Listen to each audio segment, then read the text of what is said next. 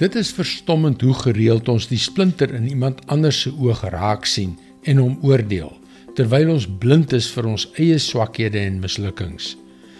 As ons maar net so 'n groot afskeid van ons eie sonde gehaat het as van ander mense se sin. Hallo, ek is Jockey Gouchee vir Bernie Diamond en welkom weer by Vars. Dit is waar, né? Nee? Ander mense irriteer ons en ons oordeel hulle en droom oor hoe ons hulle kan terugkry. En al doen ons nie regtig iets teen hulle nie, brom ons nietemin in ons harte. Ons loop steeds rond met 'n siniese houding teenoor hulle. Ons dink dat ons daarop geregtig is om so te voel en dat dit ook in God se oë heeltemal reg sal wees.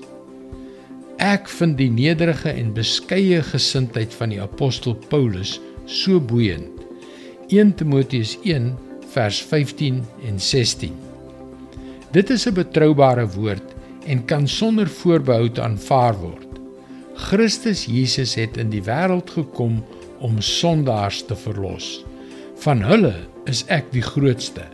Maar juis daarom was God my genadig sodat Christus Jesus aan my as die grootste sondaar al sy verdraagsaamheid sou betoon en ek 'n voorbeeld kon wees vir almal wat in die toekoms in hom sou glo om die ewige lewe te verkry.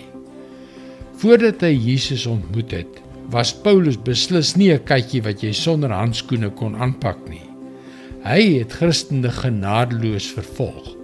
Maar eers nadat hy Jesus van aangesig tot aangesig ontmoet het, het hy besef dat hy die ergste onder alle sondaars was en dat Jesus ten spyte daarvan vir hom kom red het. Ja, dink mooi daaraan. Ons sonde is al te dikwels soveel erger as die mense sin wat ons so maklik oordeel. Ten spyte daarvan, ja inderdaad as gevolg daarvan, het Jesus gekom om te midde van ons swakhede deur sy dood aan die kruis sy onbeperkte geduld en genade te bewys. Hou op om ander te oordeel.